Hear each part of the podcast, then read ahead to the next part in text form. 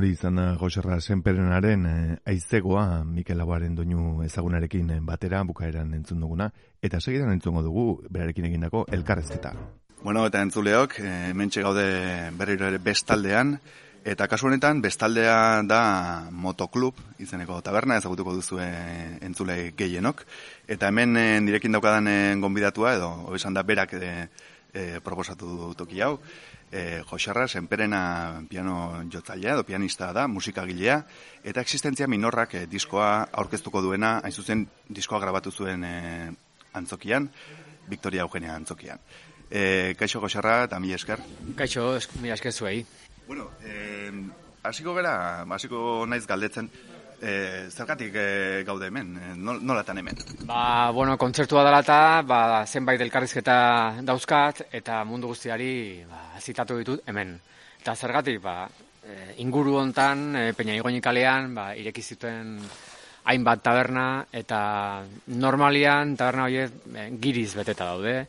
Eta taberna hau, motoklub tabernak, oaindik mantentzen du auzo taberna giroa eta eta bueno, eta gustoko dut. Eta bestalde, e, zahar berritu dute orain dela gutxi eta zaindu dute akustika. Eta hori da normalean tabernetan egiten ez dean gauza bat.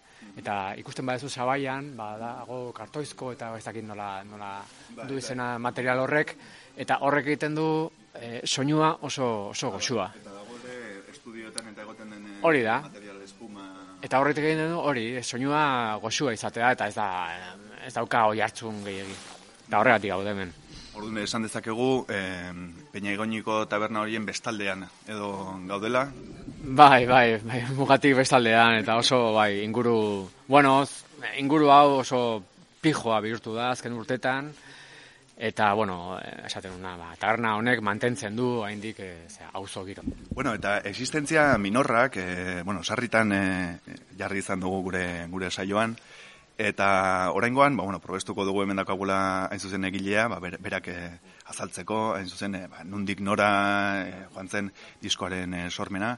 Okorez banago Joserra da piano utxez egiten duzun hirugarren diskoa, ezta? Eta horra zara Juan G. Andres argazkilariak egindako argazki batean, piano aurrean eserita eta erengo galetu nahi dizut e, izenburuari buruz, existentzia minorrak. E, zer dela eta jarri diozu izenburuari? Bueno, existentzia minorrak da filosofo, e, frantziako filosofo baten saiakeraren tituloa. Eta ezagutu nun saiakera hori bilamatasen bidez. Irakurri nun berak edatzitako zutabe bat elpaisen, eta zutabe hortan aipatzen zuen e, David Laposat, David Laposat da filosofo horren izena, e, liburua, saiakera. Eta oso erakargarria iruditu zitzaidan. Eta irakurri nun saiakera, eta bueno, e, filosofoak egiten duna da, existentziak banatzea, banatu egiten du zenbait e, multzotan. Eta multzo horietako bati e, deitzen dio e, existentzia minorrak. Eta existentzia minorrak dira, berarentzat, agerian ez dauden gauzak. Ezagutzen ez ditugunak. Eta horregatik, e, eskutuan daudelako, e, daukaten potentzialidadea oso oso handia da, ezta? Eta eta interesa handikoa. Bestalde esaten zuen e, artistak e, bere e, bila ari direnean e, bilatu behar dutela arruntatik araño, ezta? Eta aragoa, arago bakatu.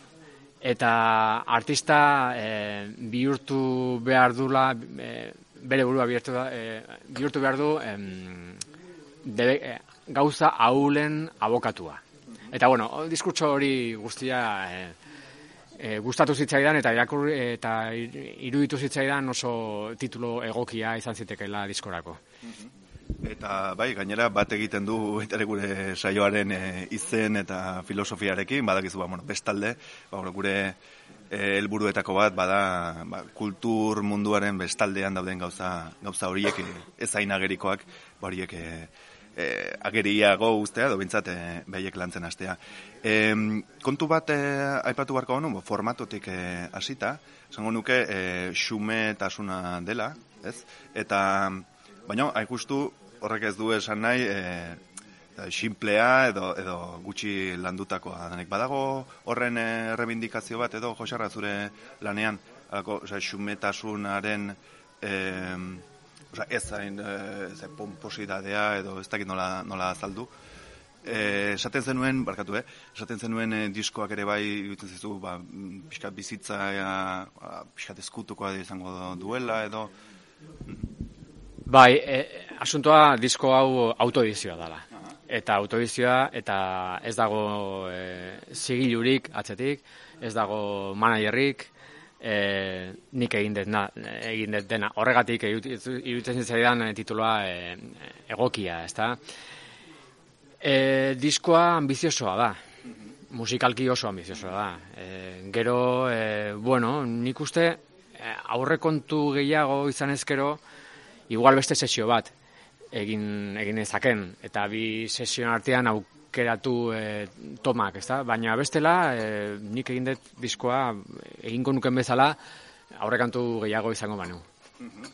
Hori da, orduan esnet formatuaren e, xumetasun hori e, besterik gabe da e, zuzen ere zirkustantzia hoiengatik autoedizioa delako, baina esan bezala oso en, amasei pieza dira, oso landuak hori edenak, eta e, baita ere, bueno, izenburuekin eh, segituz, ba, bueno, bigarren kantuan ikusten dugu Kiton, eta, bueno, badakigu, aipatu genuen gure saioan ere, e, The Navigator e, filmaren e, emanaldi batean, e, bueno, zu haritu zinala horre pianoa jotzen, baina okerrez banago pieza hauek aurretik e, eginak zenituen eta nola bete gokitu zenuen, ezta? Nola, nola izan zen prozesu hori? Bueno, eh, diskoa komposatuta zeon eta orduan eh, jasonun Euskadiko filmategaren, filmotekaren, filmategarien eh, proposamena, ezta? Eta orduan eh, ez nun ezer berri eh, komposatu proiekziorako, baizik eta nire repertoriotik ba, hainbat pieza hartu eta horrekin, ba, ez? Eta orduan, ba, e, diskotik atean nun, bueno, maketatik, orduan maketa zen, atean nun, e, edo erabili nitun bos sei pieza, eta pieza horiek e, moldatu behar izan nitun ezan atarako. Eta gertatu zen, mm, ba, piezen iraupena eta estenen iraupena ba, ez ziala berdina. Orduan, kasu gehienetan luzatu behar izan ditun e, estenetarako, ezta? Eta zer gertatu zen, ba, gero ja proiezioa egin ondoren, ba, voltatu nintzen etxera, ba, diskoa presatzera, ja pianoa jotzen, eta eta orduan e, egindako desarrollo haietako e, batzuk mantendu nitun. Mantendu nitun, eta bestalde, e, tituluak jartzerakoan ja ezin nun e, bereizi musika eta kitonen pelikula ura, ez da? Eta orduan jarri nitun zenbait titulu, ez da? E, hor kanibalak, kiton, emaibetor, hostariuzko kainoia, dia e, pelikularen e, estena batzuk. Bai, hain eh, justu, nahi ere diskoa entzun da, eh, bueno, ez ditut ikusi, aitortu bat, ez ditut ikusi film horiek, baina bai irutzen zait, eh, dramatikotasune handia dutela, edo nola bete, ez dakit, iruditzen zaite, bueno, ez dakit, entzulea hasi estena batzuk imaginatzen, edo sortu daitekela entzulearen eh, barruan alako pelikula bat, eta, eta beste pieza batzuetan bai iruditu zait, mm, bueno, alako sakontasun edo ez dakite, bai, lehenago aipatu duzu, ez, e, komplexutasun handia ez ditu ere atsegin ematera joan zeranik edo alako piano pieza, bueno, fondoan jartzen dien. Hori da. Eta, bai, ez da, e, e, bat ere peaceful horretako, e, azalduko diguzu pixka bat ze nundik edo aritu zen? Bai, niri e, musika eta diskoak e, gustatzen zait e, gauzak gertatzea. Ez, da? ez dut e, gustoko disko mm, lauak, E, eta, bueno, badago jendeak esaten didanean, jode, baino hemen eh, salto handia dago, pieza batetik bestera, nik ez dut ikusten. Eta nik horrela e, kontrasten, kontraste horien artean ikusten dut e, oreka edo nik behar dudan oreka, ez Eta egia da, badaudela pieza batzuk nahiko e, lirikoak direnak, eta beste batzuk, batzuk e, ba, disonanteak eta, eta musika gaikearekin lotura dutenak. E, bueno, nik horrela ikusten dut, e, musika kontrasteak gustoko ditut eta eta behar ditut eta bestela aspertu egiten e, naute disko horiek e, lauak direnak. Bai, personalki iruditzen zait e, horrelako arte lanek edo badutela nik bintzat bizitza ikusteko dudan e, moduarekin lotura gehiago iruditzen zaite hemen e, bizitza dagoela eta bizitzan bueno, olakoak dira gure gure existentziak, ez? ez e, momentu batetik bestera asko aldatzen gera, e, e, bueno, eukitzen ditugu baita ere gure, gure interferentziak eta bar, eta ez da dena hildo beretik e, joaten, ez da? Bai, hori da, hori da, nik ikusten dute disko hau, eta nire diskoak e, ba, e, ipuin liburuak izango balia bezala, ez da? Eta zer gertatzen dira ipuin liburutan, ba, gauza ezberdinak gertatzen dira, eta e, ipuin bakoitzean daude pertsonaia batzuk, eta beste batzuk, eh, beste ipuin batean beste pertsonaiak, eta inguru bat, eta beste, gero beste inguru bat, eta eta ezberdinak dira, ez da? Ez da novela bat, niretzat. Hau ez da novela bat. Bestela izango zen sinfonia bat edo sonata bat. Ez, dia amasei pieza, amasei ipuin. Eta bera, justo orain e, ipuina ipatu duzula, bai iruditzen zait, e, zure musikan eta disko honetan konkretuki oso, bueno, narratiboak edo direla, e, kontakizun bat edo bai, dago, ez? Bai. Eta esango nuke ere zure ibilbide luzean ere, ba, askotan ere kontalariekin e, e, bueno, idazleekin e, e, kolaboratu izan duzu, e, gogoratzen dute tardaren interpretazioa adibidez, e, arkaitzkan horekin, patxi zubizarretarekin ere aritu zantzera, dora salazarrekin ere bai, ezta?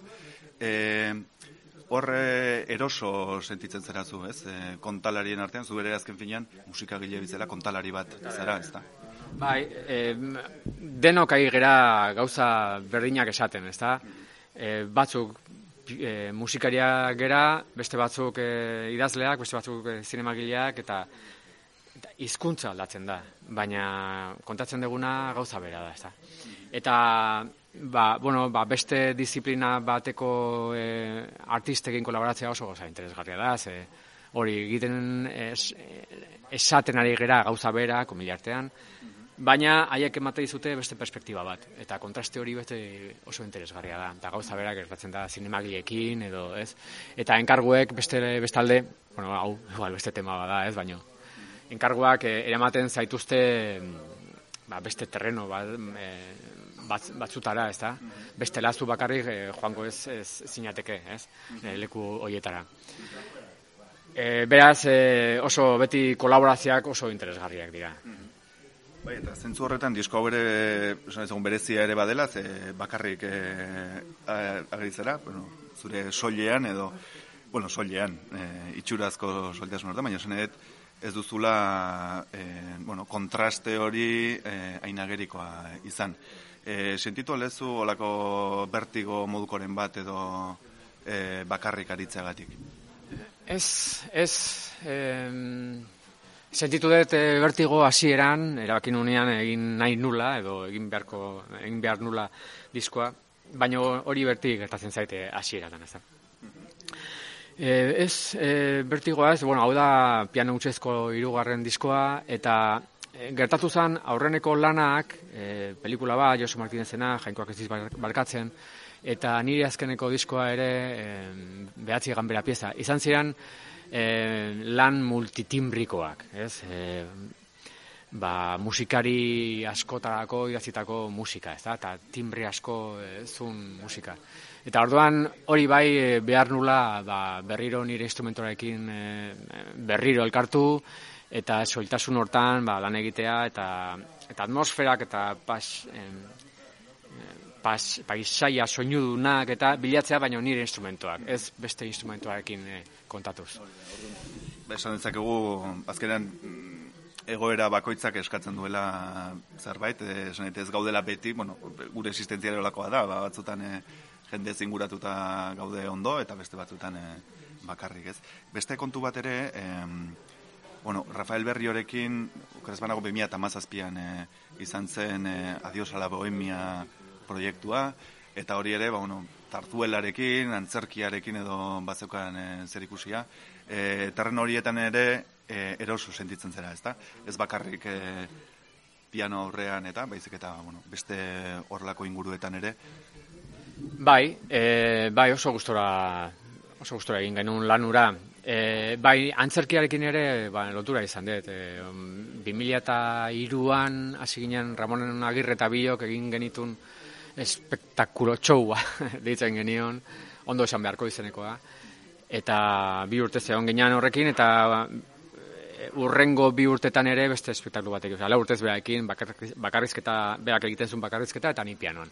Eta, bueno, tantakarako ere egin dut e, zenbait soinu banda, Eta bueno, lotura hori izan dut. Eta mm, adios ala bombiarana izan zen bertsio bat, nik ez nun inoiz imaginatu alako gauza bat egingo nunik, baina izan zen oso, oso polita. Ze, o, testua, barojana, zan akojonantea. Eta Pablo Zabalen musika ere marabiosoa. Orduan hori dana pianora, izan zen piano solorako lana, pianora e, kartzea eta gero bueno, ba, kontatzea ba, Angela Molina bezalako artista batekin edo Petxi edo e, Mireniza, Londra Benley, e, jende asko etorri izan eta oso lan polita izan zen. E, eta, bueno, egia da, hori izan zen nire azken lana disko honen aurretik eta disko hartan ja piano soloan lan egin nula, ezta? Eta igual hortik etorri da, ez? berriro e, egin nun topo nire instrumentorekin eta oso ondo sentitu nintzen eta eta egin genuen e, kontzertu bat Vitorio Eugenian. Eta bueno, adios la bohemiak e, irauten zuen berrogeita piko minutu eta osatu behar genuen kontzertua ba, nik egin kontzertua osatu, osatzeko egin nun introduzio bat ordu erdikoa. Eta Vitorio Eugenian jonun e, ni bakarrik pianoan eta oso ondo sentitu nintzen, eta igual hortik ere etorri zan e, disko hau egiteko naia, gogoa. Zegoen horren, horren aurreko e, pausua edo izan zela, ez, hau egiteko. Bai, bai, bueno. bai. Eta, bez, Rafael Berrio aipatu dudala, e, hain justu, ba, bueno, bere disko e, bueno, oso ezagunak diren 1971 eta diarios, okarrez banago zuk egin dituzu hor e, arregloak eta bueno, benetan zoriontzeko modukoa irutzen zedalako e, bikaina ze hortan ere em, claro, hainbat hainbat eh, alde ditu zure lanak, ez? Ez da bakarrik e, interpretatzea pieza batzuk, sortzea eta best, e, batzutan da beste norbaiten e, lan hartu eta eta hori jantztea, ez? E, ikusten alduzu zuke desberdintasunik e, zure lana egitetik beste baten e, zera hartzera edo badagor e, bueno, sorkuntza lana da beti, ez? Baina beste norbaiten e, e, zera, gorputzean sartzea edo nola bizi duzu hori? Bai, ba, bueno, lehen eh, esaten genuena, ez da, e, beste batekin lan egitea e, suposada dezake, ba, beste bide batzutatik e, joatea, ez da. Eta adibidez, e, Rafakin gertatu zen, itzein genula 1971 disko ura egiteko, eta printzipioz plana beste bat zen. Baina hasi ginen lanean, eta beak esaten du, ez, ez, violines, violines, quiero violines. Ez da, e, plana zen, e, talde bat elkartzea, eta gero horri gehitzea, e, ba, laukote, ari laukote bat. Eta ni hasi nintzen hori maketatzen, eta bea etortzen zen etxea, eta esaten, ez, quiero violines, quiero violines. Eta azkenean egin genuen dana ampliatuta, baina orkesta haundi batekin. Ba, orkesta metalak eta perkusioa eta egurra denetik, ez da.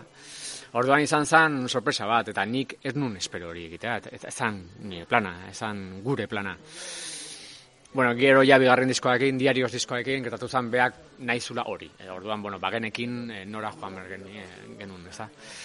Baina sorpresa izan zen bi ontzat ze egiten ari ginen eta goan dut, e, ba, etxean egotea eta entzutea zer egiten ari ginen, eta, pero, ¿qué es esto? Esaten, ¿qué es esto? Eta, zer egiten ari gara, ez da.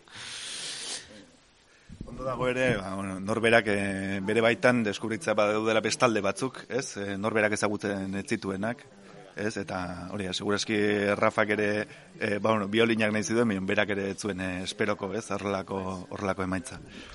Ez, gaina nik eh, arregloak eta eginan dituen laguna bidarako eta bidatzenako eta dunkandura. Baina beti beste registro batean, ez da? Diskretoago edo, ez da? Baina Rafak nahizun gran orkesta. Samplerrekin baina gran orkesta. Eta orduan ba, ba, artilleria osoa sartu genuen eh, disko hortan eta diario zen, bai. Eta, bueno, horrentxe aipatu duzu ere, bueno, bide hartzean, e, dunkan du, bide hartzeanen, korez banago, 2000 eta lauan e, hasi zinen, beraiekin e, grabatzen, eta orain momentu honetan dago alako e, inpas edo pausa batean, ezta? E, Donin horrez ere arituko da okarez banago txailaren bederatzean arituko da hemen donostian, eta Eta bueno, nik uste hori ere izan dela, bueno, zure taldeetako bat, edo e, nola, nola bizi duzuzuk e, bide hartzeanen parte izaten hori? Ba, bai, izan da harreman e, potente bat, musikala eta personale, bai.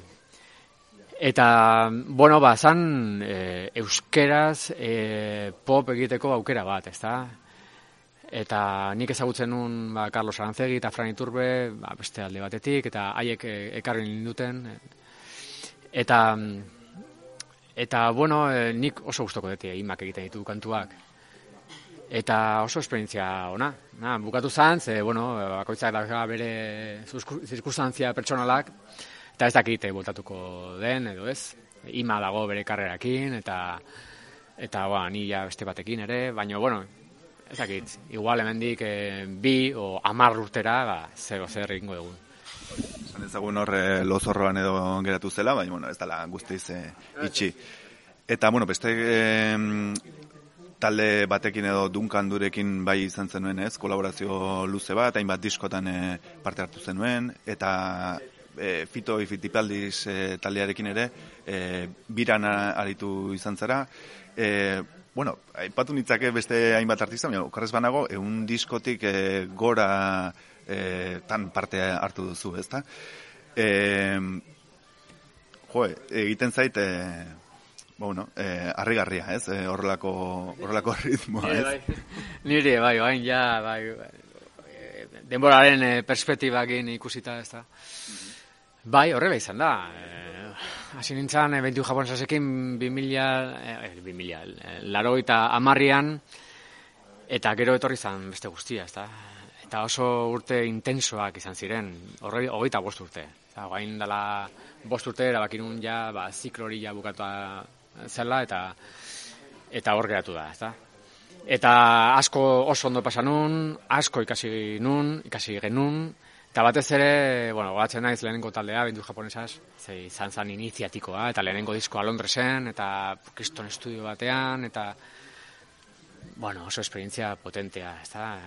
Ilabete bat, han, Londresen, Sarrei Estudio batean, eta pianoak adibidez, pianoak grabatu ondoren, e, produktoreak, gero urrengo urtean Jamiroquaien produktorea izango zana, esan zu, ba, pianoak berriro e, grabatu behar ditugu, baino Londresen, eta estengui batekin, ze.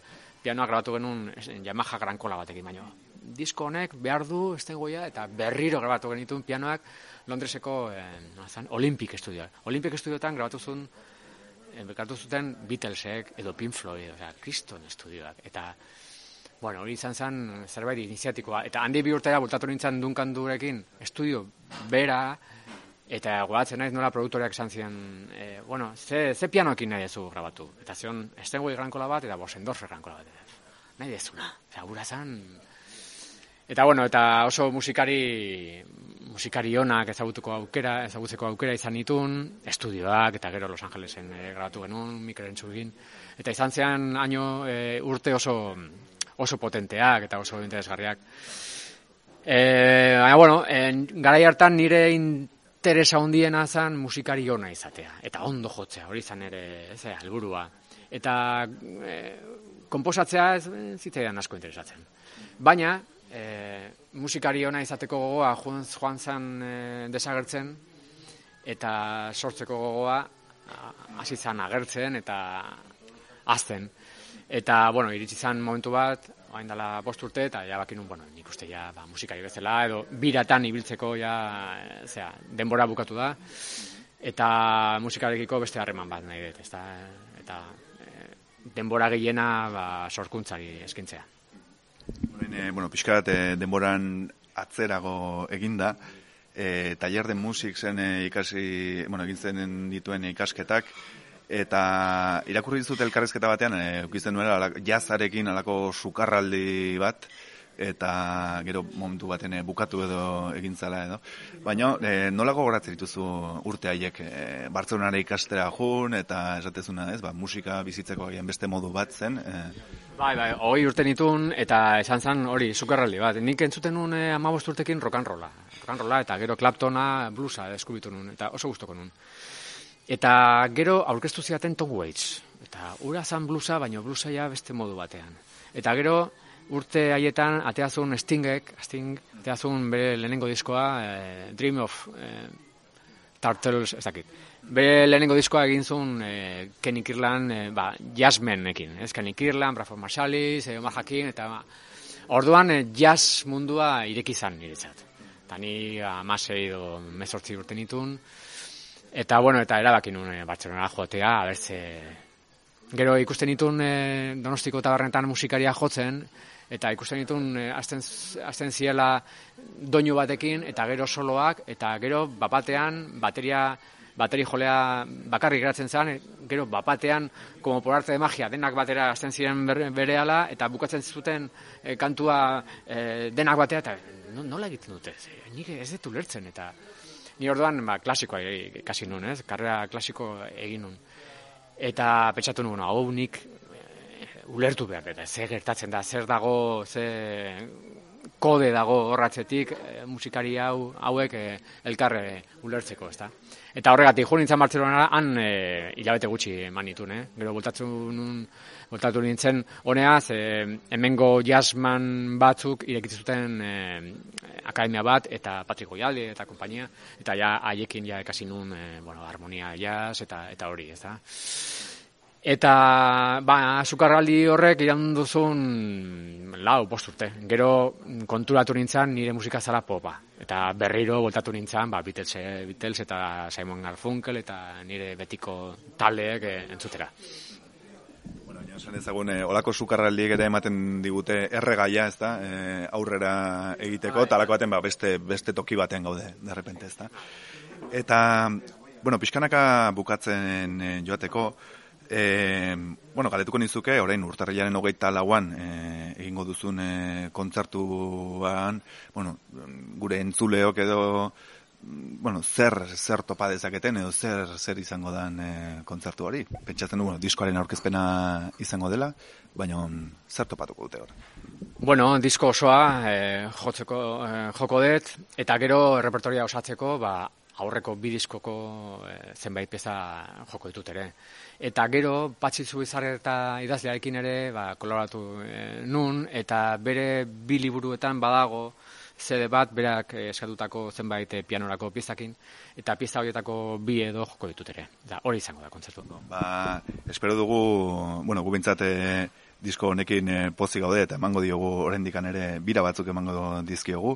Espero dugu existentzia minorrak bueno, guk ere aldarrikatzen ditugu, hemen gaude eta eta gainera, bueno, e, modu batera edo bestera, nik uste aldarrikatu beharra daukagula. E, zuke bukatzeko zerbait gehituko zenuke, zerbait nahiko zenukera e, entzulek jakitea?